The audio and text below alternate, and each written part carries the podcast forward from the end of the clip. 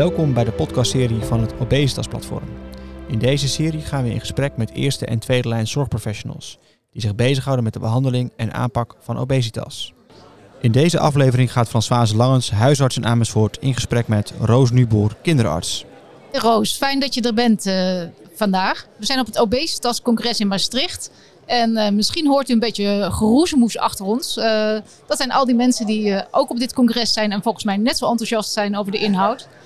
Roos, wij kennen elkaar al een tijdje langer, hè? We zaten te denken 15 jaar terug. Ruim 15 jaar? Ja, ja. en we begonnen met onze frustraties over al het snoep bij de wandelvierdaagse of wandel. hoe heet het? Avondvierdaagse, zo heet het. Um, maar er zijn hele mooie initiatieven uit ontstaan, hè? Ja. Uh, je had net over een bepaald initiatief. Vertel eens. Nou, ruim 15 jaar geleden vonden wij elkaar. En uh, omdat er steeds meer obesitas uh, bij kinderen voorkwam. En toen zijn we met de gemeente en GGD zijn we bij elkaar gekomen. Hebben we Bislim opgericht. En dat is eigenlijk een soort pre-jog gemeente. Amersfoort ging toen meer wandelroutes aanleggen. Ehm, nou, rondleidingen door de supermarkten. Echt, ik denk wel heel goed. Hebben veel initiatief, in, in ieder geval energie ingedaan een gegeven moment is dat wel een beetje afgekalfd. Inmiddels zijn we een jog-gemeente geworden. Uh, maar Bislim bestaat nog altijd. Ja. Hoe ben jij zelf eigenlijk geïnteresseerd geraakt in het onderwerp obesitas? Nou, toen ik 19 eh, jaar geleden voor het eerst in Amersfoort kwam werken, was mijn, als diabetoloog, was mijn eerste nieuwe diabetespatiënt een type 2 uh, diabetespatiënt. En dat kind was obese. En toen dacht ik, dit hadden we kunnen voorkomen. Of in ieder geval hadden hadden we het kunnen uitstellen. En toen dacht ik, we moeten iets met dat overgewicht doen. Dus toen zijn we een uh, obesitas uh, poli gestart. Uh, samen met mijn andere diabetes collega.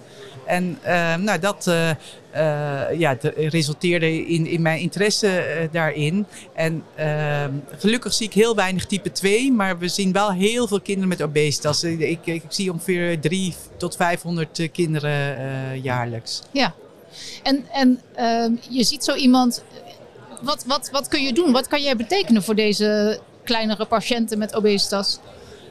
Um, nou, ik denk altijd dat je. Ik denk dat het belangrijk is dat je iets van obesitas weet. Dat je niet uh, uh, schuld gaat doen. Of uh, dat, je, dat je vooral geïnteresseerd bent dat, dat je zegt dat het niet om het uiterlijk gaat. En dat je een heel goed programma buiten het ziekenhuis hebt. En wij hebben, vind ik, een heel goed uh, programma bij MTC met psychologie, met, uh, met opvoedondersteuning, fysiotherapie, diëtisten. En zo, buurtsportcoaches worden daar ook bij betrokken. Dus ehm, ik heb iets te bieden voor die kinderen. Maar het vervelende is dat, dat natuurlijk niet elk kind hetzelfde is. Dus je moet heel goed kijken wat heeft iemand nodig. Um, dus ik vind, ik vind nog altijd dat ik wel wat meer um, uh, tools zou moeten kunnen hebben, zeg maar, om, uh, om dit uh, goed te kunnen behandelen. Ja, je had net ook een lezing, hè? Uh, dat ging over uh, hoe kinderen met obesitas zich voelen. Wil je daar nog iets meer over vertellen? Ja, en dat ging over, specifiek over adolescenten. En dat vond ik wel heel interessant. Dat, dat ruim 60% zich geheel verantwoordelijk voelt voor zijn eigen obesitas. En, en dus dat vond ik echt heel triest om te horen. Want obesitas is wat mij betreft een ziekte. En daarbij ben je als adolescent afhankelijk van je ouders, maar ook van, je behandelaar. En wat die aan programma's kan aanbieden. En dat die kinderen zo eenzaam zijn en denken dat, dat zij daar verantwoordelijk voor zijn, vond ik echt heel naar om te horen. Dat demotiveert denk ik ook. En dat geeft denk ik alleen maar een slechter zelfbeeld. Waardoor je nog moeilijker, uh, uh, ik zeg maar, kunt doen wat, wat nodig is als je obesitas uh, hebt. Dus dat vond ik heel, um, nou ja, eigenlijk wel erg om te horen. En het andere was dat, dat zij zeggen dat ongeveer 40% honger niet wordt besproken in consulten. En honger is natuurlijk iets, iets heel belangrijks. En het is niet zo dat je iets met. Je moet tools hebben en je moet uitleg geven waarom er honger is. Ochtends is honger natuurlijk helemaal prima. Dan kan je een lekker ontbijt nemen. Maar als je s'avonds laat honger hebt, dan kan je daar bijvoorbeeld tools eh, voor geven van wat je dan gaat eten. Kan je beter een bak yoghurt eten dan een sneaker. Uh, dus, dus ik denk dat het heel belangrijk is om dat in je spreekkamer te bespreken. En dan het laatste wat ik uh, wou benoemen van die sessie, dat het echt shocking was dat minder dan 10% van de, health, uh, van, van de hoe heet dat, behandelaren een opleiding heeft uh, ja, genoten van meer dan een dag.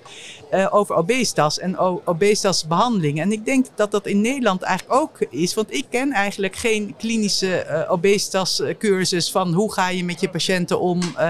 En, en dat is eigenlijk toch wel erg. En het gros van de mensen denkt toch nog altijd: elk pondje komt door het mondje. En het heeft met wilskracht te maken. Ja. Ja, want honger, dat is iets wat je gewoon kan uitschakelen. En dat blijkt eigenlijk uit al die onderzoeken dat dat het niet zomaar is. Hè? Je kunt niet zomaar honger uitschakelen. Nee, nee, het is gewoon erfelijk bepaald hoe, hoe je ermee omgaat. En daarbij ben je ook nog afhankelijk als kind van je omgeving. Dus, dus uh, ik kan wel zeggen, het is gezonder om een bakje yoghurt te eten. Maar als die yoghurt niet in huis is uh, en er zijn alleen maar snacks en de frituur staat aan. Ja, wie ben ik dan met mijn adviezen? Ja, Hey, uh, stel als huisarts verwijs ik een kind naar jou hè, met, met obesitas. Je hoeft niet alle details te vertellen, maar, maar maar wat gebeurt er met dat kind in het ziekenhuis? Uh, nou, we, doen een nogal uitgebreide anamnese uh, over. En ook vooral ook ik zeg maar, het slaapgedrag en uh, wat er al geprobeerd is, eh, wat de frustraties zijn. En, en daarna prik ik eigenlijk altijd bloed. zoals je weet ben ik geïnteresseerd in vitamine D. En ongeveer al mijn kinderen hebben te laag vitamine D. Maar ik zie ook steeds meer leververvetting. Uh, dan uh, ga, ga, ik altijd een beetje kijken met die uitslagen. Ik doe ook een impedantiemeting. Ja, sommige mensen zeggen dat is niet zo betrouwbaar. Maar ik vind mijn, degene die ik doe, laat toch wel echt goed zien of je meer vet krijgt of uh, meer, minder spieren. En aan de hand daarvan gaan we kijken wat er voor iemand uh, helpt. Sommige kinderen zeggen, ik, uh, die geven wat adviezen. Zeggen, ik wil het zelf proberen. Dan zeg ik, kom over drie maanden terug en kijk wat, wat we gaan doen. Anderen hebben gewoon andere ideeën. Het liefst doe ik ze naar dus dit multidisciplinaire programma. Maar niet iedereen wil dat. En daar, dat moet je ook respecteren, denk ik. Ja, want dat is een uh, gecombineerde, gecombineerde leefstijlinterventie plus, hè? zoals we deze in de zorgstandaard uh, noemen. Ja, en dat vind ik altijd wel ingewikkeld. Hè? Want in de zorgstandaard zijn er dan vier glies uh, worden dan vergoed. En, en worden ook als Saxenda-proof gedaan. Terwijl ik denk dat, dat dit programma wat wij in Amersfoort hebben echt nog, nog veel beter is. Ehm, dus dat, dat vind ik altijd wel ingewikkeld, laten we het zo zeggen. Ja. Um, je had het net eventjes over de, de leververvetting. Ja. Je had ook over dat er veel meer comorbiditeiten al zijn hè, bij kinderen. Ja, ontzettend. Kijk, eh, je kan natuurlijk over de hoge bloeddruk hebben. Maar levervetting zie ik steeds meer en ook steeds in hogere mate. Waar ik vroeger nog wel eens een ALAT van 50, 59 had. En dacht ik, oeh, verhoogd. Nu heb ik zo'n 380. En dan verwijs ik ze echt naar de kindermaagdarmleverarts. Uh, en die zeggen, nou, dit kan niet alleen door levervetting komen. Maar uiteindelijk komt het altijd alleen maar door leververvetting. En ik heb ook wel een paar kinderen die Ehm, ja, ik stuur vaak pubers gewoon, zeg ik, neem een bijbaantje in plaats van een sportprogramma. Dus vakken vullen of wat dan ook. Of, of ga fietsen, ga bezorgen. En uh, dan zie je als ze dat gaan doen, dat die leververvetting, dan vallen ze niet eens zoveel af. Krijgen wel wat meer spiermassa. Hè? Dus, dus, en dan zie je die leververvetting van, van in de 300 naar, eh, echt naar beneden, onder de 100 gaan. Dus, dus je, dan is het echt door, lever, door, door de obesitas veroorzaakt. En die kinderen zou ik echt uh, dus ook liraglutidine uh, gunnen. Want die, die, zij hebben zo'n hoog risk om, om later uh, problemen te krijgen. Want, want nou, binnenkort komt ook weer een publicatie waar, waar, ze, geval, waar mijn obese patiënten mee hebben gedaan uit WKZ. En daar zie je gewoon dat er al beginnende hartvaatproblemen zijn uh, bij, bij die obese kinderen die onder de MRI en echo's hebben gekregen. En dat, dat vind ik echt wel shocking. Gemiddelde leeftijd 14 en dan zie je dat al. En ik heb niet eens de dikste ingestuurd. Nee. Dus, uh... Dat is echt wel een punt wat nog onderbelicht is hè? bij obese, kinderen met obesitas, dat er echt vaatschade al uh, aanwezig is. Ja, dat werd gisteren ook weer gezegd dat uh, obese adolescenten veel slechter prognose hebben dan als je als volwassene obese wordt. En dat dat proces al heel vroeg gaat beginnen. En, en dat, dat wordt volgens mij niet genoeg onderkend. En daardoor wordt het nog altijd niet echt als ziekte gezien. Ja. Um, nou ja, dat, dat vind ik ingewikkeld. Ja. Er zijn nog twee items die voor mij nieuw waren op de, uh, dit congres. Uh, liraglutide bij uh, kinderen en bariatrie. Maar laten ja. we beginnen met de liraglutide. Wat vind jij daarvan? Ja, nou, liraglutide, kijk, dat is natuurlijk vanaf 12 jaar is dat al geregistreerd bij kinderen. maar het wordt voor obesitas mag je dat niet voorschrijven. En we hadden gisteren over bariatrie, hadden we een congres over, over bariatrie. En dat ze een, een trial gaan doen met sleeves en, en gastric bypass bij kinderen, bij adolescenten.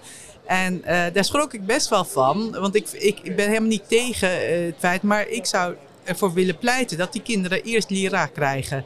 Uh, gedurende drie of zes maanden. En dan kijken wie daarop reageert. Een operatie, want dat lieten ze zien. Dat je je ijzertekort gaat van 12% naar, naar haast 60% na zo'n operatie. Omdat mensen hun suppleties niet goed genoeg innemen dan kan je wel zeggen, ja, ze zijn haast uitgegroeid. Maar de hersenen groeien tot 25 jaar. We weten dat ferritine essentieel is voor je hersenontwikkeling. Dus ik, ik vind dat best ingewikkeld. Van waarom geef je die kinderen niet eerst lira? En als je het dan zegt eh, met, met ZN... Uh, dat het zo duur is een paar maanden lira niet ten opzichte van een operatie. En zeker de nazorg na operaties, dat is hartstikke duur. En uh, ja, daar heb ik best wel heel veel moeite mee. Dus ik, ik zou er echt voor willen pleiten dat kinderen van, vanaf 12 of van 14 jaar, vind ik ook prima, uh, lira kunnen krijgen. Ja. En je, je, had het net over bariatrie, waar ik ook dan aan denk. Zo'n zo'n jong kind uh, moet dan beslissen voor een operatie. En die psychologische effecten zijn natuurlijk best wel heel groot. Hè? Soms wordt daar ook wel meer over gesproken bij de kinderartsen, wat, wat dat voor een kind kan betekenen? Nou ja, we, we doen het eh, natuurlijk in Nederland op dit moment niet. En ik neem aan als een trial wordt dat natuurlijk heel goed uitgezocht. Maar ik heb wel een kind wat in Turkije voor 2000 euro eh, op zijn 14e dit heeft uh, laten doen. Hij heeft heel veel kosten daarna in Nederland uh, opgebracht, want er waren wat complicaties. Maar die jongen is, heeft, zit niet in een programma. En die kreeg ik ook niet in een programma. Dus die neemt zijn medicijnen niet. Uh, dus die, die, elke keer als hij komt, één keer per jaar, heeft hij allerlei depleties. En dan ga ik het weer omhoog doen. Dus dat, dat is ook heftig. Je moet echt wel enige compliance hebben. Wil je, in, eh, wil je ja, hier blij van worden en wil het beter zijn dan dik blijven of obese blijven. Um, dus dat, dat vind ik ingewikkeld. Um, en ik vind het best wel, je, ik hoorde dat je meer reflux krijgt na een sleeve. Nou, krijgen die kinderen later een Barrett-carcinoom? Uh, uh, of wat, wat, wat heeft dat op echt langere termijn uh, te maken? En ik, ja, ik vind dat ingewikkeld. Ik zou altijd beginnen met medicatie. Ja, ik denk dat er heel veel leefstijlcoaches ook uh, naar ons luisteren. Um, heb jij het idee dat er speciaal leefstijlcoaches moeten komen voor kinderen? Of zeg je, goh, misschien maakt het eigenlijk niet zoveel uit? Um, nou, ik denk wel met interesse in kinderen. Omdat eh, als je een kind hebt, ik denk überhaupt dat je het altijd systeem moet behandelen. Hè? Want als je één iemand behandelt, waarom zou je niet het hele gezin uh, meenemen? Dus ook als je een moeder behandelt, neem, neem het, de rest van het gezin mee. Maar ik denk vooral dat leefstijlcoaches eh, echt een goede opleiding moeten krijgen, uh, hebben. En geïnteresseerd zijn in individu. En dat je adviezen geeft op, uh, op het individu gericht. En wat je nu nog best wel eens hoort is, goh, uh, ga maar meer wandelen of, of neem geen tussendoortjes. Je moet kijken wat is mogelijk in dat systeem. En, en dus is het echt heel erg individu gericht. Ja. Dat, en voor de huisartsengroep, er komt een, uh, hopelijk snel een nieuwe NAG-standaard uh, voor de huisartsen. Maar als we het hebben over kinderen, welke, wat, wat, wat moet ik als huisarts? Moet ik elk kind hè, met een baby of een obese kind naar de kinderarts sturen? Of heb je daar nog tips voor? Nou ja, je kan, ik, als je geïnteresseerd bent in obesitas, kan je natuurlijk prima zo'n kind uh, zelf begeleiden. Maar dan zou ik wel één keer, als ze wat ouder zijn, een keer lab prikken om even te kijken hoe staat ervoor. Ik denk als ze secundaire uh, problemen hebben, zoals uh, levercetose, dan lijken ze me wel bij de kinderarts te horen. Maar als jij een hele goede klik hebt met het kind, is hij waarschijnlijk beter af bij jou dan, dan bij mij. Nou, volgens mij hebben we heel wat dingen besproken, Roos wat ik zo leuk vind, 15 jaar geleden of hoe lang het geleden was, heb ik jou gezien, was je super enthousiast over het onderwerp. En nog steeds straalt het enthousiasme ervan uh, af. Dus uh, daar word ik dan weer heel vrolijk van. Heel erg bedankt. En wie weet mogen we je nog een keer uh, uitnodigen als we een uh, ander onderwerp hebben. Oké, okay, jij bedankt. Dag. Ga voor meer informatie, nieuws, webinars en e-learnings naar www.obesitasplatform.nl en meld je aan voor de maandelijkse nieuwsbrief. Volg ons via LinkedIn en Twitter en abonneer je voor deze podcastserie via Apple Podcast of Spotify. Heel graag tot de volgende aflevering.